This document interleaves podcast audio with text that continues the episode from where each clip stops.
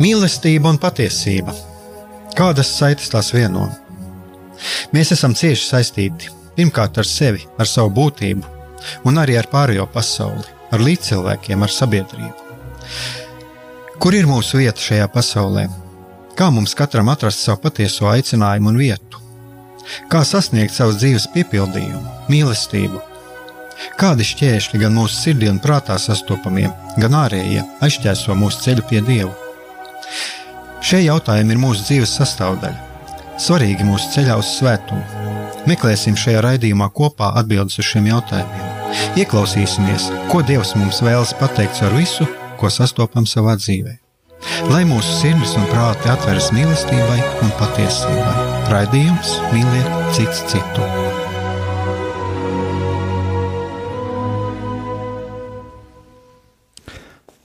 Lai top slavēts Jēzus Kristus, esiet sveicināti, darbie radioklausītāji!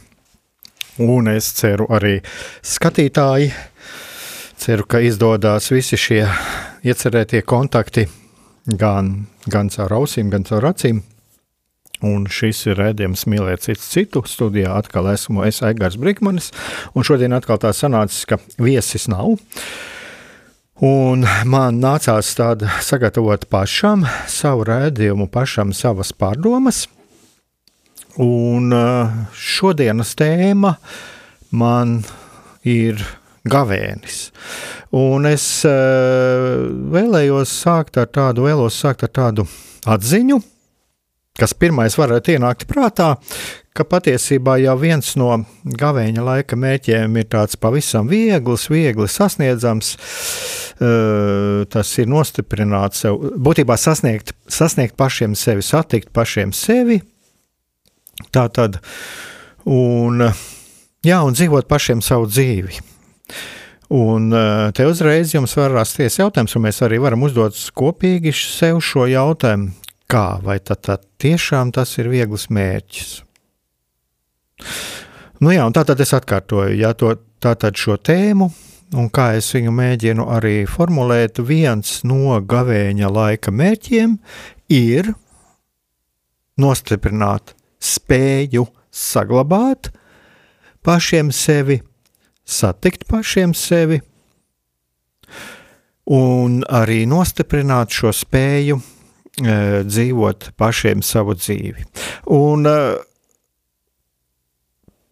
Kādam citam varētu šis mērķis uh, likties kāds cits, Viņš, eh, cits cilvēks var mēģināt kādu citu mērķi, labu mērķi sasniegt, bet eh, es domāju, ka tas nav pretrunā ar to, ko es šeit saku, jo būtībā šis labais mērķis, savu labā mērķa sasniegšana, tas ir cieši saistīts tieši ar, ar šo spēju dzīvot eh, pašam savu dzīvi.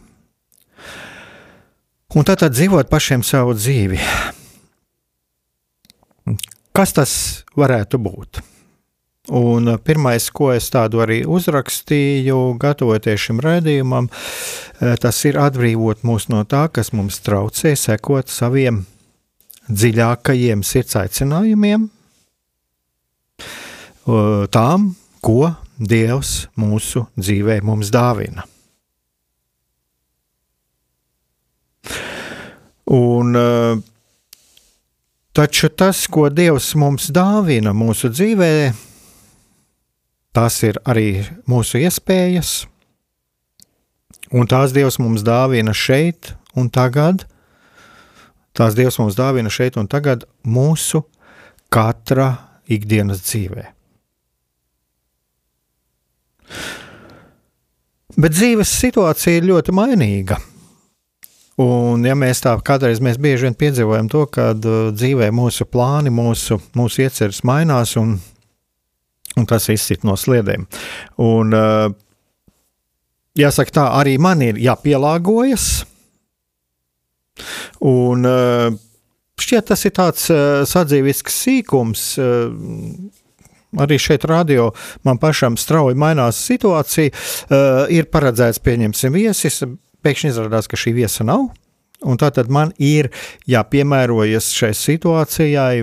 Es eh, kādu brīdi jūtu tādu kā stresu, arī kā neapmierinātību, jo es esmu gatavojies, es esmu sagatavojis jautājumus, sagatavojies pats, eh, iekšēji sagatavojies, psiholoģiski sagatavojies, es zinu, ko runāt, un pēkšņi šī situācija mainās. Un, un, um, es jūtos kādu brīdi kā izsist no sliedēm.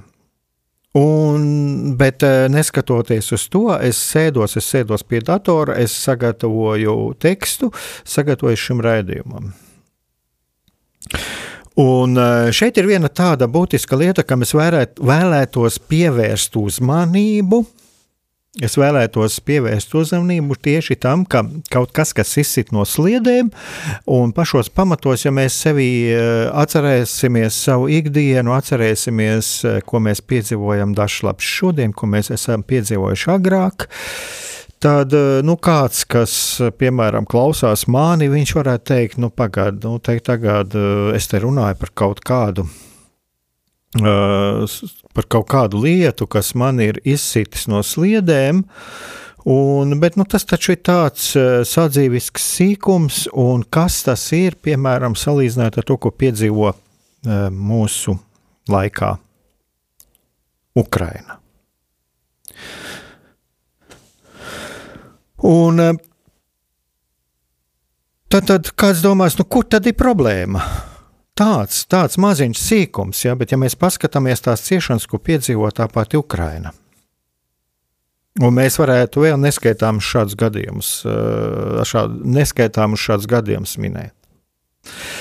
Bet šeit uzreiz es gribu atgādināt, ka nesteigsimies arī ar šādiem secinājumiem un nesāksim tiesāt sevi vai citus. Un e, šeit arī, darbie radio klausītāji, tas ir arī kāds no jums, varbūt, kas jūs jūtat, varbūt arī sevi kādu nemieru par šo uh, situāciju, kādā jūs atrodaties. Uh, ieklausīties sevi un saprast vienu lietu, bet sākt ar, ar patiesībā ar prātu, sāksim ar domu. Tātad netiesāsim sevi, netiesāsim citus, bet sāksim ar domu par to, ka manas izjūtas ir tieši manas izjūtas. Un atzīsim, ka tieši es šobrīd jūtos tieši tā, kā es jūtos, ciešu tā, kā es jūtos, ciešu tā, kā es ciešu, un pēc būtības tas ir morāli neitrāli. Un eh, tas ir Tātad pilnīgi normāli, kā es jūtos. Uh, un tas ir atbilstoši manai šī brīža situācijai.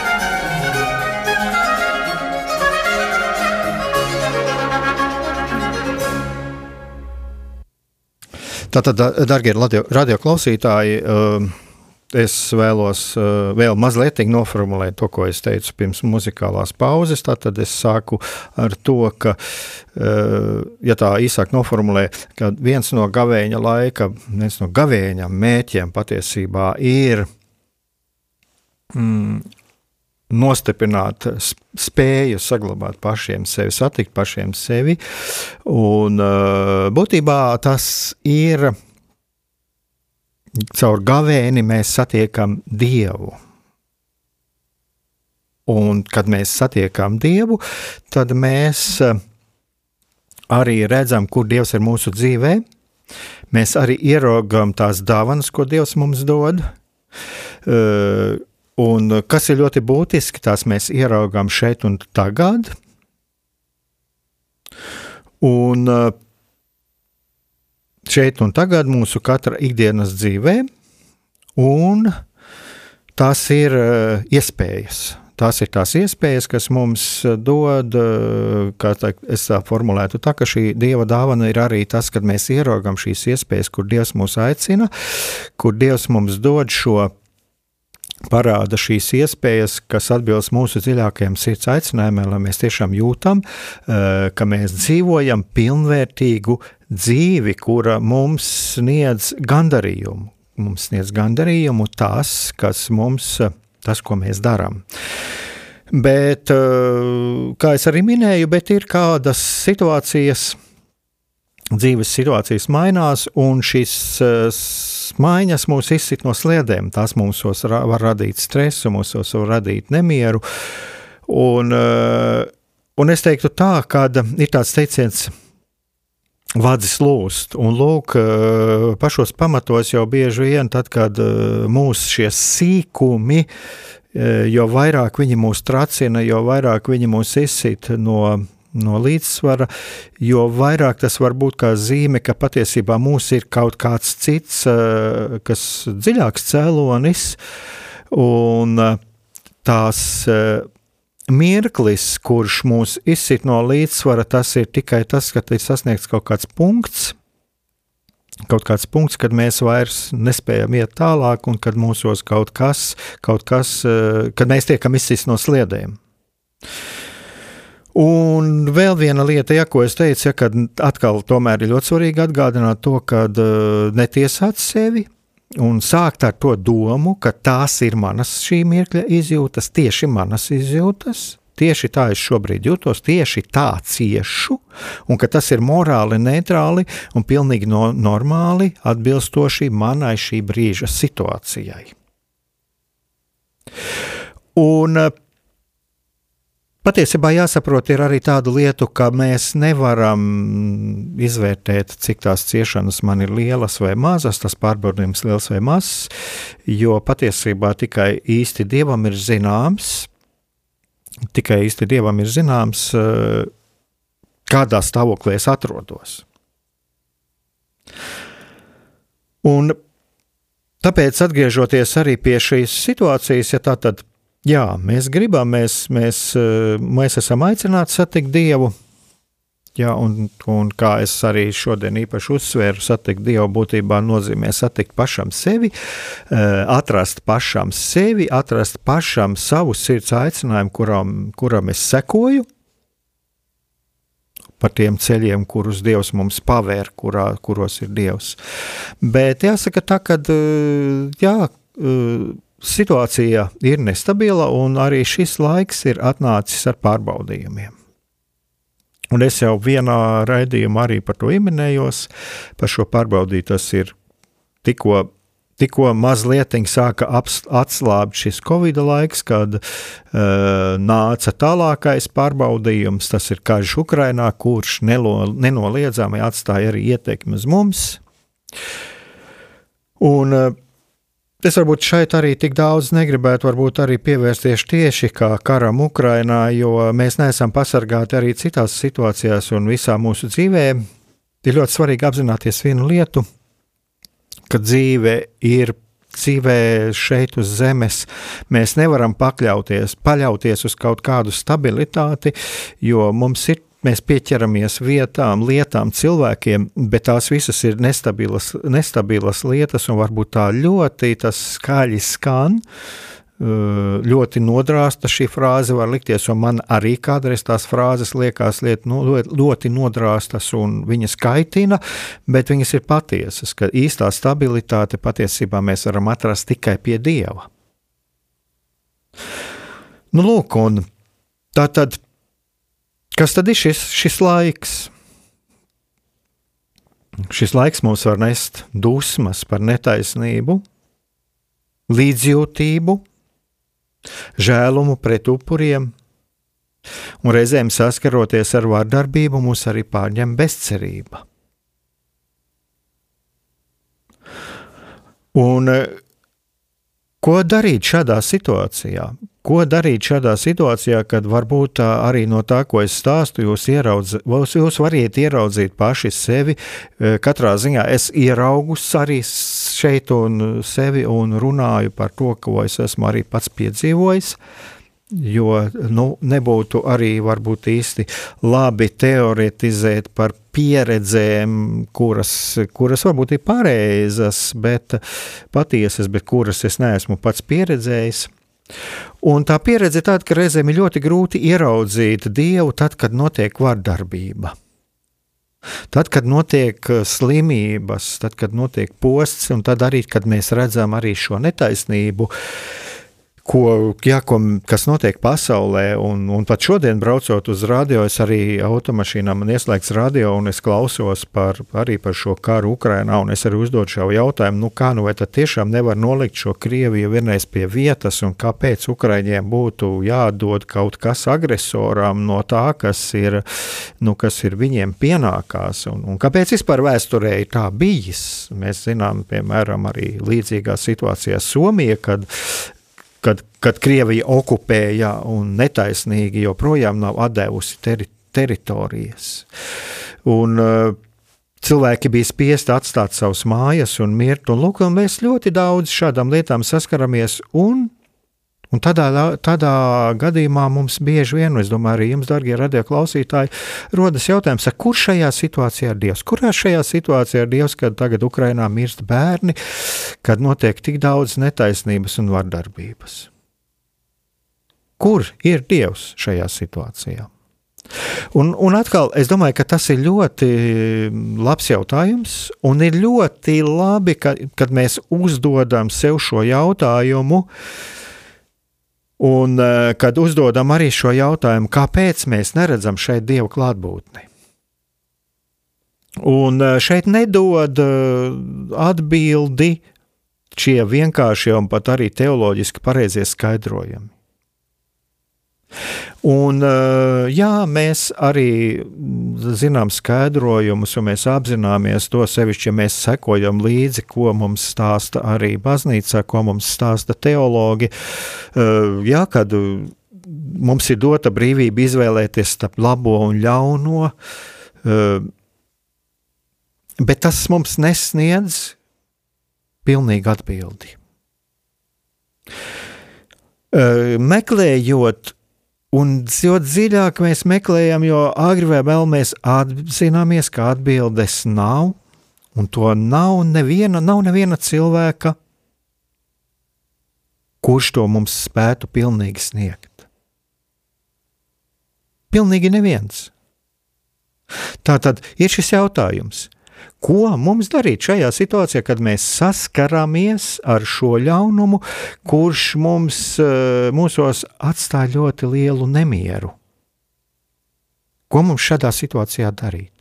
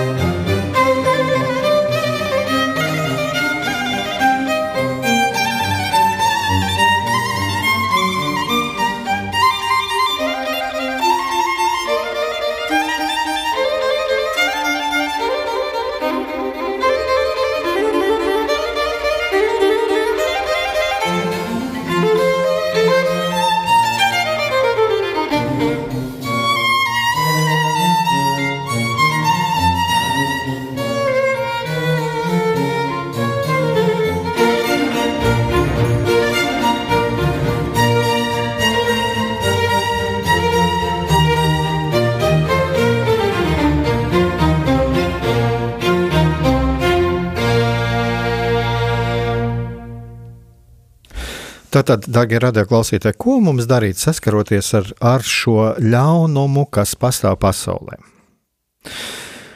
Un eh, es lietoju šādu vārdu noslēpums, un te man nāk prātā tāds eh, gadījums, kāda sieviete, kas, kas ļoti, ļoti aktīvi nu, ļoti aktīvi, aktīvi dzīvo savu kristietes dzīvi um, un dzīvo gan samērīgi. Ko es tā gribu teikt, samērīgi, ja, ka tiešām normāli dzīvo, sekojot savam aicinājumam, un atrod laiku gan ģimenei, gan sev, gan arī tām tīri tādām garīgām aktivitātēm. Un, un tad, kad uh, mums kādreiz nāca, bija saruna par šo problēmām, kas notiek dzīvē, gan viņas, gan apkārtējo viņai tuvo cilvēku dzīvē, tad es uh, bieži pieminu šo vārdu noslēpums, un ka patiesībā visas noslēpuma atslēgas pie, pieder dievam, un tā viņa tā kādreiz tā dusmīgi notkal to savu noslēpumu. Un uh, pēc kāda laika viņa teica, jā, ka viņa arī ir uh, sapratusi šī noslēpuma, to, ka ir šis noslēpums, un pamazām soli pa solītim ir pieņēmusi.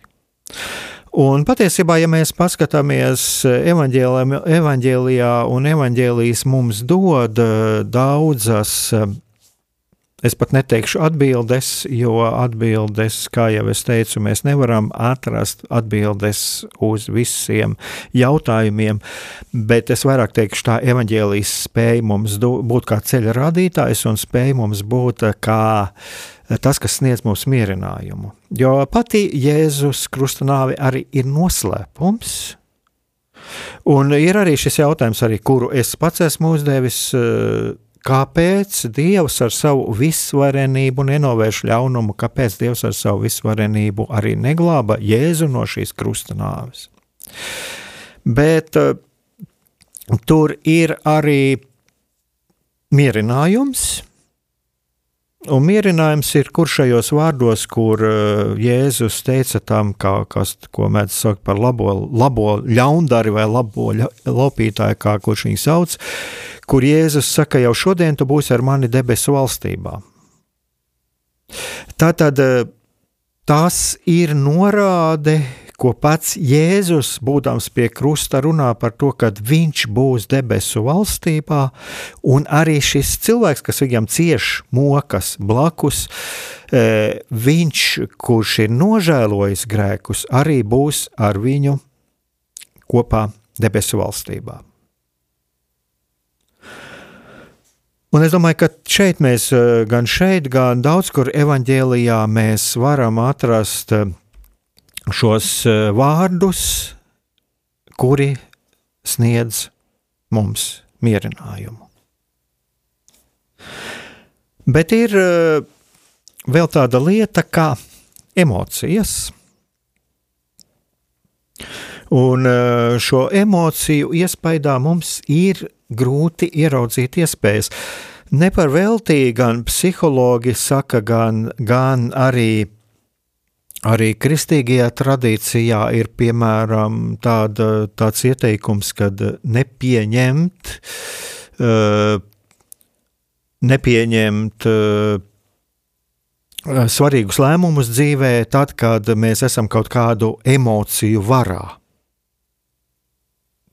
Kad būtībā šīs emocijas uh, aizēno, nomāc mūsu spēju racionāli izvērtēt. Un kas ir tāda viena būtiska lieta, kas ko ir jāņem vērā, kad mūsu emociju iespējā sāk darboties tas, ko mēs saucam par mūsu iekšējo konspirologu. Ja jūs varbūt atcerieties, ja jūs klausījāties, mēs kādreiz šo sezonu sākām septembrī ar Jāni Akapsonu, kad mēs runājam par psiholoģiju un garīgumu, kur, kur arī mēs runājam par to, ka kādreiz, kad būt, būtībā arī mūsu prāts mūs uh, spēja apmānīt. Lūk, un darbojās šis, šis iekšējais konspirologs, kurš uh, sacer dažādus nākotnes scenārijus. Un, diemžēl, uh, tad, kad ir kaut kādas stresa situācijas, kad piedzīvojam kaut kādu krīzi, kara apstākļus, kādas katastrofas, tad šie iekšējie scenāriji bieži vien ir ļoti negatīvi. Mums pēkšņi sāka likties, ka nu, tas, kas ir noticis, tas šajā brīdī šķiet, ka nu, tas nekad nebeigsies, ka mums vairs nekādu iespēju nav, ka mēs esam vāji. Un, un sāk, sāk formēties dažādi stāsti, dažādas smadzenēs mums veidojās dažādi negatīvi stāsti par mūsu nākotnes perspektīvām. Bet šeit, eh, manuprāt, ir tā ļoti būtiski arī eh, uzreiz padomāt, no kurienes ir šīs domas, un apzināties, ka šie scenāriji, kas mūsos veidojās, eh, patiesībā viņiem nav nekādu faktos balstītu pamatojumu. Un šeit es gribētu atgriezties pie tā, ko tagad ļoti bieži mēs dzirdam, kad mēs dzirdam arī teiksim, par karu.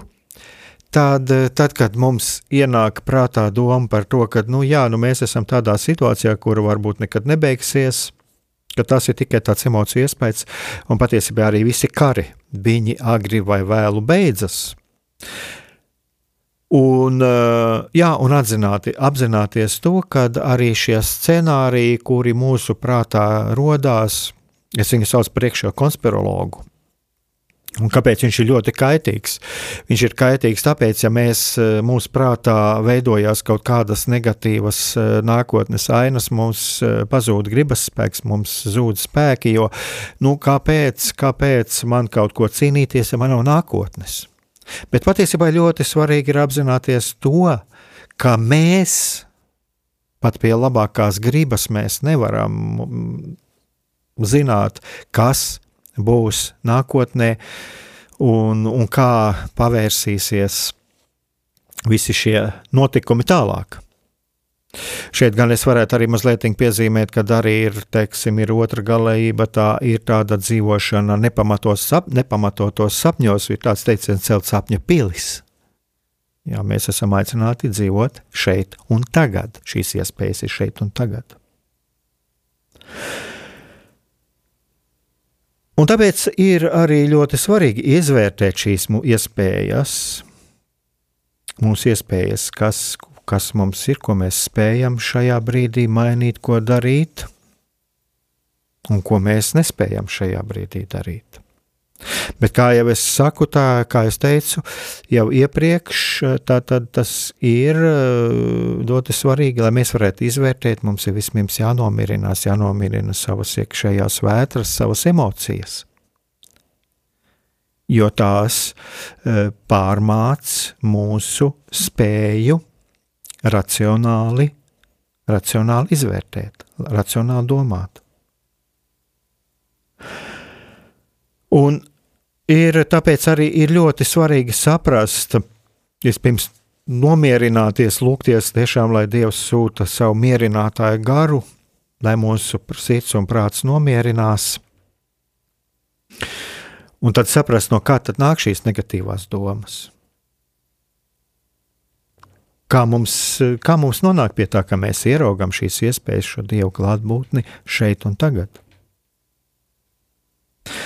Un te es varbūt varētu atgriezties atkal pie tā, ko varbūt arī es teicis, esmu kādreiz, ka šajā raidījumā arī ir izskanējis, un ko ļoti bieži mēs arī dzirdam no, no psihologiem, ka ir do, dozētas šīs informācijas devas nepārpūlēt sev ar pārlieku daudz informācijas, jo tieši šī informācija, ja mēs neko jaunu neiegūstam, šī informācija bieži vien atkārtojas, un, un sevišķi šādās kara situācijās ir arvien vairāk un vairāk negatīvas informācijas, kura neizbēgami, at, neizbēgami atstāja ietekmi uz to, kā mēs jūtamies. Jo sevišķi kara laikā šī informācija ir ļoti daudz negatīva. Tātad laicīgi apstāties informācijas ieguvē. Vēl viena lieta, es jau, es jau pieminēju to, saprast, no kā nāk, no kā nāk šīs negatīvās domas.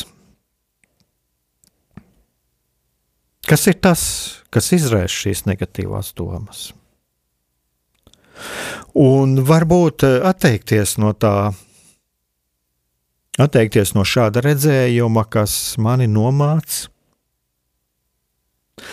Un šeit ir tāda mana personīgā pieredze, ko es arī kādreiz iesaku citiem cilvēkiem, tas ir pierakstīt. Pierakstīt, eh, kā es jūtos, kā es jūtos un kā es šīs lietas, eh, kā šo situāciju atrisināju. Tātad eh, es varētu varbūt pateikt tādas divas lietas. Viens ir, kā, kā es jūtos, un divas lietas. Tātad viens, kurā situācijā es pēkšņi sajūtu mierinājumu, kas ir tas, kas mani, man sniedza šo mierinājumu, un pēkšņi es ieguvu kaut kādu atbildi uh, un risinājumu. Un otrs, kas arī ir ļoti būtiski, kad uh, es pierakstu savu rīcību. Kas ir tā rīcība, kas man atbrīvoja? Un rakstīšanai ir vēl viena ļoti laba lieta, kad eh, es rakstu, es koncentrēju domas, es mēģinu saprast. Es mēģinu izteikt uz papīra, man ir jāpārvērš tas, kas ir manās smadzenēs, manās domās, man ir jāpārvērš uh, rakstu zīmēs. Un tas nozīmē, ka es uh, ielieku kaut kādu intelektuālu piepūli, kas liek man saprast to, kas, man not, kas ar mani notiek, lai es to varētu uh, precīzāk formulēt. Un bieži vien eh, es no savas pieredzes to varu teikt, ka man pat pietiek to formulēt, pietiek uzrakstīt uz papīra, un es jau esmu saņēmis atbildi, es esmu sajūtis mierinājumu, man iekšējā, iekšējās vētras norimst, es esmu saņēmis mierinājumu un es esmu atradis atbildi.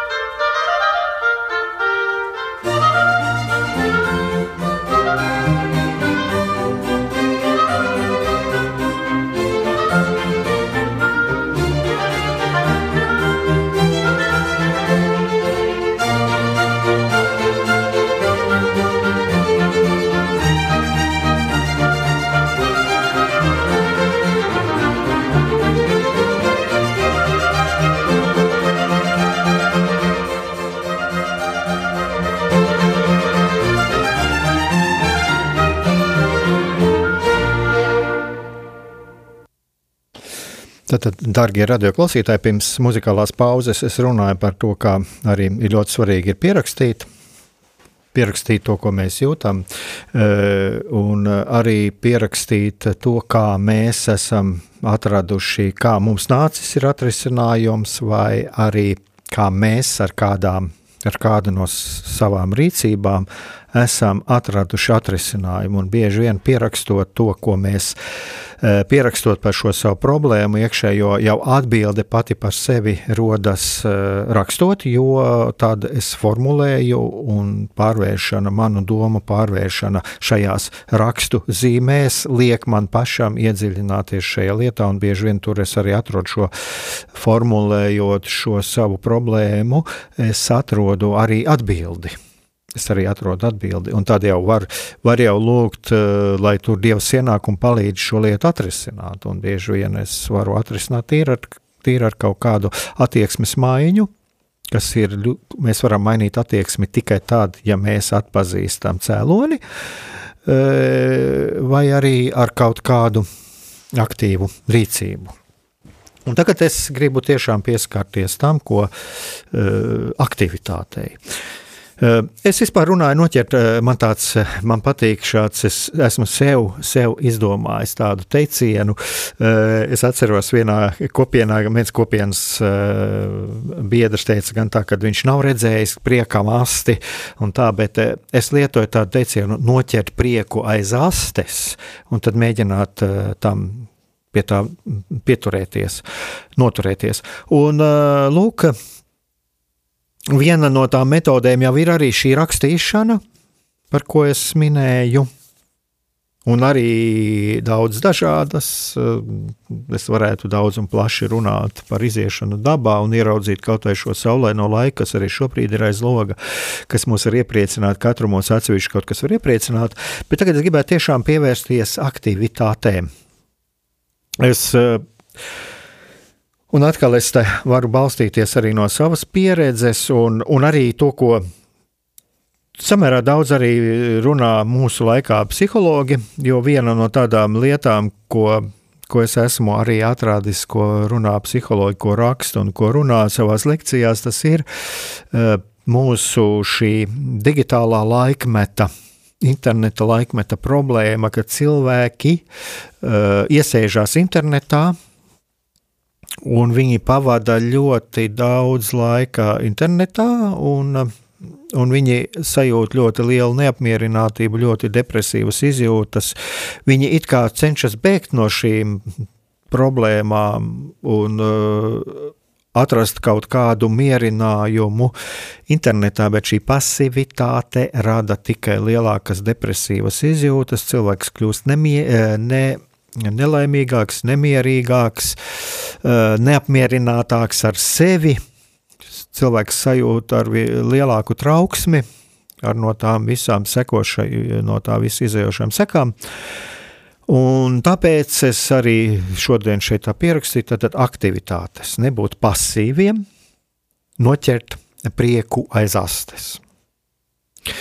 Atrast kaut ko, kas iepriecina, kas iedrošina, Un uh, viena no tādām lietām arī es pats esmu personīgi saskāries ar to, ka, piemēram, cilvēki sajūt nemieru šajās, uh, šajā kara situācijā, un kad mēs saskaramies ar uh, problēmu, ar kādām ciešanām, ar karu, tad viena no lietām ir tāda, ka mēs sajūtam,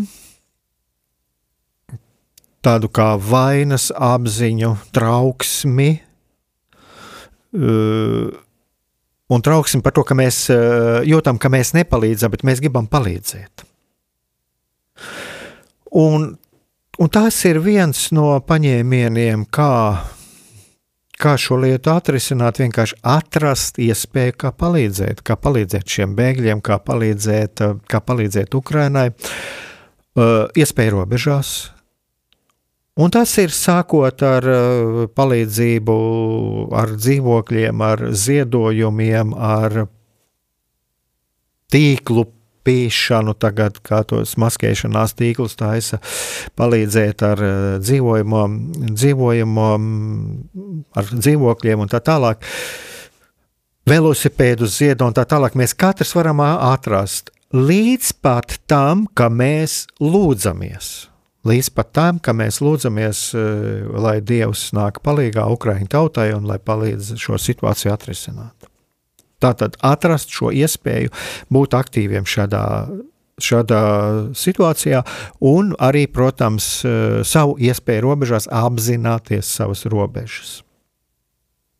Un tas ir viens no paņēmieniem, arī, kas var ļoti labi atbrīvot, no, atbrīvot no šī nemiera par šo situāciju. Nākamais ir vispār. À, vēl es gribu atgriezties arī tādu ļoti labu ieteikumu, ko es šodien dzirdēju no vienas, vienas lekcijas. Man, es pat te uzrakstīju, gatavoties raidījumam, man atsūtīja arī no vienas kopienas psiholoģijas lekciju, kura eh, runāja arī par to, kā iegūt mieru šajā situācijā. Viņa pat uh, pieminējās tādu lietu, kas ir ļoti labi, ko mēs varam palīdzēt arī Ukraiņiem, kad izplatīt pozitīvo informāciju uh, arī internetā.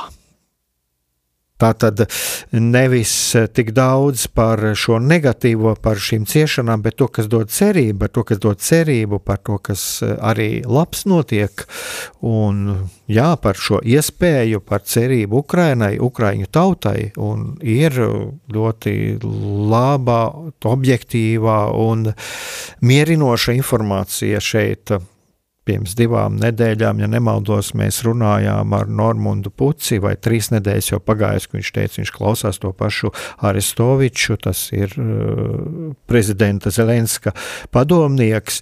Jā, es arī viņu klausos, un viņš uh, tiešām runā, nu, cik es tagad uh, redzu to, viņš runā Viņš runā mm, objektīvi, cenšas runāt objektīvi. Tātad arī šādā veidā mēs varam palīdzēt Ukraiņiem, palīdzēt to, kad mēs uh, dodam cerību arī šeit cilvēkiem, kad iedodam šo cerību, redzam šo cerības stariņu par šo situāciju, kas ir Ukrainā. Un tāpat mēs varam, jebkurā situācijā, mēs varam atrast iespēju palīdzēt kādam cilvēkam Vai tas būtu saistīts ar kaut kādu, varbūt arī viņa dzīves krīzi, būt viņam vienkārši blakus. Ja, šeit gan es arī vēlos, vēlos arī tādu, varbūt piebildīti, būt kādam blakus, vispirms parūpēties arī par sevi un, un arī, teiksim, mīlēt sevi un palīdzēt sev, sakārtot sev, jā, atrisināt savu problēmu. Bet uh, katrā ziņā šāda palīdzība, kā mm, ziedot, doties palīgā, mm, kādos žēlsirdības darbos, palīdzēt bēgļiem, ziedot kādu naudu, kādu apģērbu, kaut kādu materiālo lietu, vai doties uh, vai aizvest bēgļus tur, kur vajag. Ja? Katrā ziņā tā ir tāda lieta, kas mums ļoti labi var palīdzēt atbrīvoties no tā nemiera un no tām problēmām, ko mēs iekšā sevī sajūtam. Aktivitātes vispār, ja es uh, atgriežos pie sevis, pie savām izjūtām, tad es zinu to, ja sajūtu kaut kādas depresīvas izjūtas, tad ir ļoti labi iziet ārā kaut vai, kaut vai pastaigā. Pastaigāties parkā, pastaigāties pie jūras, un arī tas daudz ko dod, iedod eh, daudz pozitīvās enerģijas. Tātad aktivitātes, nebūt pasīviem.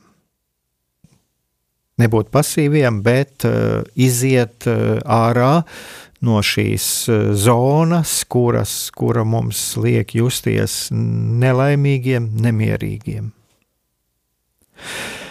Atrast to, kas iedrošina. Tātad atrast kaut ko, kas atbilst, atbilst manam, manam sirds aicinājumam. Un vēl viena lieta, arī, jā, par ko es runāju, tas ir šī vispusīgā informācija. Es pieminējos par to, ka nedzīvot arī maldīgās ilūzijās. Tā tad jābūt ļoti dozētājiem, dozēta pieeja eh, gan šai negatīvai informācijai, jo mēs neko nevaram mainīt, ja mēs eh, uzņemam milzīgi daudz šīs eh, negatīvās informācijas. Bet nedzīvot arī maldīgās ilūzijās nedzīvot maldīgos sapņos, bet gan ieraudzīt dieva klātbūtni un iespējas šeit un tagad. Bet to mēs varam ieraudzīt tad, kad mēs tiešām cenšamies šeit un tagad uh, paskatīties uz visiem dzīves aspektiem, gan uz to, kas mums, kas mums rādās kā negatīvs. Un uh, tur šajā, šajā gan, gan tas, kas, kas, kas rādās kā negatīvs, gan tā kā tas, kas mums ir kā pozitīvs. Un es uh, parasti salīdzinu tā, ka lūk, mēs šeit dzīvojam šajā ikdienā, kurā mums ir daudz un dažādi šķēršļi, tas, ko teiksim, sauksim to par to negatīvo, un to mēs redzam kaut vai piemēram tagad šajā situācijā, bet ieraudzīt tur dieva klātbūtni. Ieraudzīt tur dieva klātbūtni, un kur mēs varam ieraudzīt dieva klātbūtni? Dieva klātbūtni ir tur, kur ir mūsu iespējas. Katrā krīzē ir iespējas, un katrā krīzē mēs varam ieraudzīt Dieva klātbūtni. Tā tad, tad, kad mūsu sirds un prāts ir nomierinājušies, mēs redzam vispusīgi, mēs redzam maksimāli objektīvi šo situāciju, kurā mēs atrodamies un kur ir izēja. Un kas ir eh, ļoti, manuprāt, būtiski, par ko es arī runāju, tas tā, tā dieva klātbūtne, tie ir tie vārti, tas ir tas ceļš, par kuru mēs ejam, par kuru mēs ejam šeit un tagad. Un tur nav jāmeklē nekas pārdabisks. Dieva klātbūtne ir tur, kur tīri racionālās lietās, šeit un tagad. Jo, pieņemsim, var tāda līdzība man būt, piemēram, tad, kad es esmu bijis nomākts, satraucies, es neesmu vienkārši pamanījis kādu elementāru lietu, piemēram, kādu cilvēku, pie kura es varu aiziet un pajautāt padomu. Jo es esmu bijis pārāk daudz aizņemts ar sevi. Varbūt es neesmu, teiksim, citā situācijā, es vienkārši neesmu pamanījis, man nav bijis, ka, jo es esmu bijis aizņemts ar savām jūtām, ar savām emocijām. Es neesmu pamanījis, piemēram, kādu labu darbu sludinājumu, kur man ir piedāvāts saņemt, kur es varu pieņemt, saņemt kādu labu darbu, kur es varu apgādāt labi savu ģimeni, vai, vai tālāk veidot kaut kādas iespējas, tālāk perspektīvas dzīvē. Tad, tad tas ir pamašos pamatos šī dieva klātbūtne šeit un tagad. Un katram tas var būt kaut kas savs. Citam var būt vienkārši saruna ar kādu tuvu ģimenes locekli. Lūk, šeit ir dieva klātbūtne. Es redzu objektīvi situāciju, kādā es esmu, un kā man no tā iziet. Tas ir apmēram, mēs varam salīdzināt, kad ir viens ļoti, ļoti liels pūris, bet mums ir pietiekami labi, mēs esam spējīgi ieraudzīt taciņu, par kuru no šī pura iziet. Tātad ieraudzīt dieva klātbūtni un savas iespējas šeit un tagad. Un es domāju, ka tas ir arī tas, uz ko mēs esam aicināti uh, gavēņa laikā, neatkarīgi no tā, kas ir, uh, kādā situācijā mēs šobrīd atrodamies. Bet mēs objektīvi redzam, redzam to, kur mēs esam, un redzam iespējas šeit un tagad. Un tur, kur ir šīs iespējas, tur arī ir Dievs klātesošs.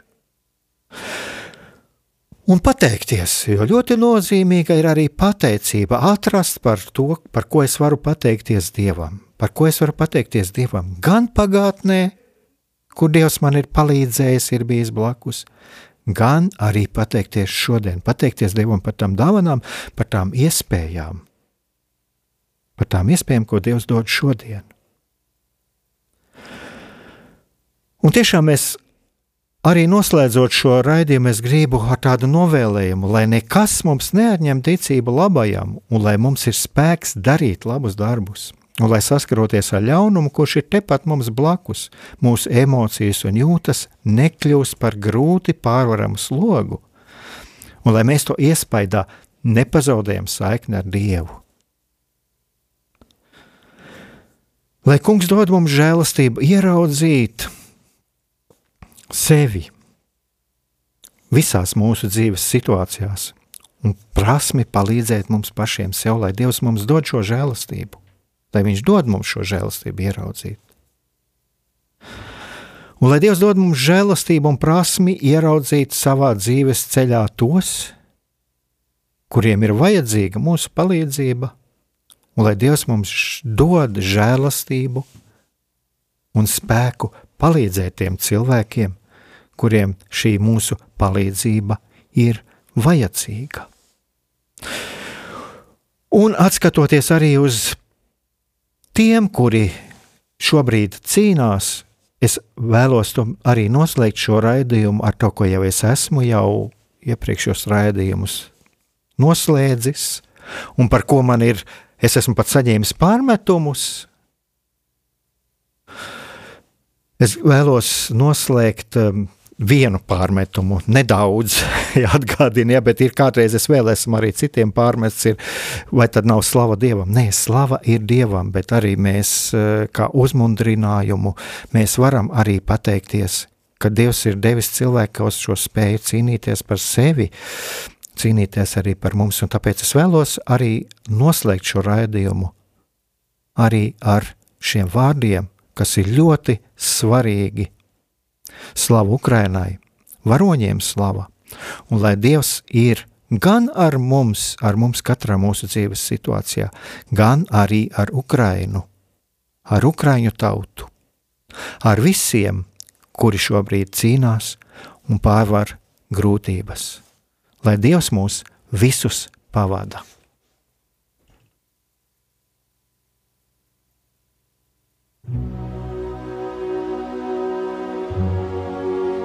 Mīlestība un patiesība. Kādas saites tās vieno? Mēs esam cieši saistīti pirmkārt ar sevi, ar savu būtību, un arī ar pārējo pasauli, ar līdzcilvēkiem, ar sabiedrību. Kur ir mūsu vieta šajā pasaulē? Kā mums katram atrast savu patieso aicinājumu un vietu? Kā sasniegt savas dzīves piepildījumu, mīlestību? Kādi šķēršļi gan mūsu sirdī un prātā sastopamie, gan ārējie aizķēso mūsu ceļu pie Dieva? Šie jautājumi ir mūsu dzīves sastāvdaļa, svarīgi mūsu ceļā uz svētumu. Meklēsim šajā raidījumā kopā atbildes uz šiem jautājumiem. Ieklausīsimies, ko Dievs mums vēlas pateikt ar visu, ko sastopam savā dzīvē. Lai mūsu sirds un prāti atveras mīlestībai un patiesībai, raidījums mīliet citu citu.